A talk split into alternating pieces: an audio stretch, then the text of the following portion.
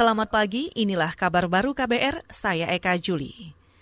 Sedikitnya 70 orang tewas dan lebih 4.000 orang terluka akibat ledakan besar di ibu kota Libanon, Beirut.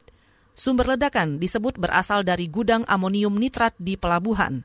Presiden Libanon, Michel Eon, telah mengumumkan masa berkabung selama tiga hari.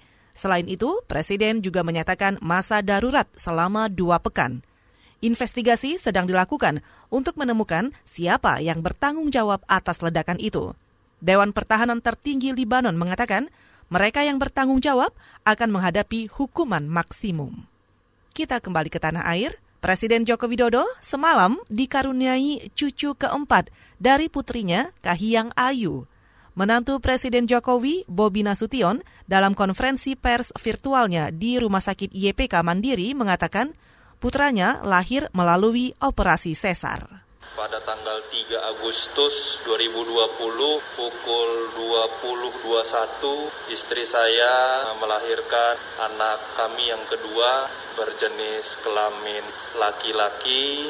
Alhamdulillah sehat walafiat dengan berat badan 3,4 serta tingginya itu 49,5 cm.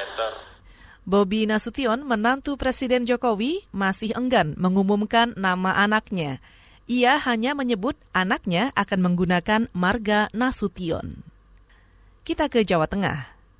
Penganut kejawen Bonokeling di Desa Pekuncen, Kabupaten Banyumas, membatasi peserta tradisi Idul Adha Perlon pada Kamis esok. Juru bicara komunitas adat Banokeling, Sumitro, mengatakan pembatasan untuk mengantisipasi penyebaran COVID-19. Biasanya, Perlon dihadiri perantau dari berbagai daerah. Kali ini, ritual hanya diikuti warga satu desa protokol kesehatan tetap dipakai. Misalnya ada orang memberikan potongan kambing atau apa, tetap diterima semuanya lah. Biasanya kan sampai 10 lebih. Orangnya paling-paling satu desa kan beberapa orang cuman sih. Tidak terlalu banyak. Sementing jangan lupa protokol kesehatan pakai masker selalu.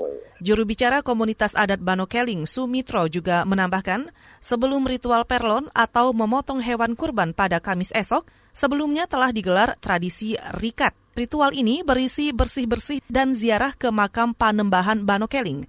Kata dia, ritual adalah bentuk toleransi atau kerukunan umat beragama di Pekuncen Jatilawang yang sudah dilakukan sejak ratusan tahun lalu.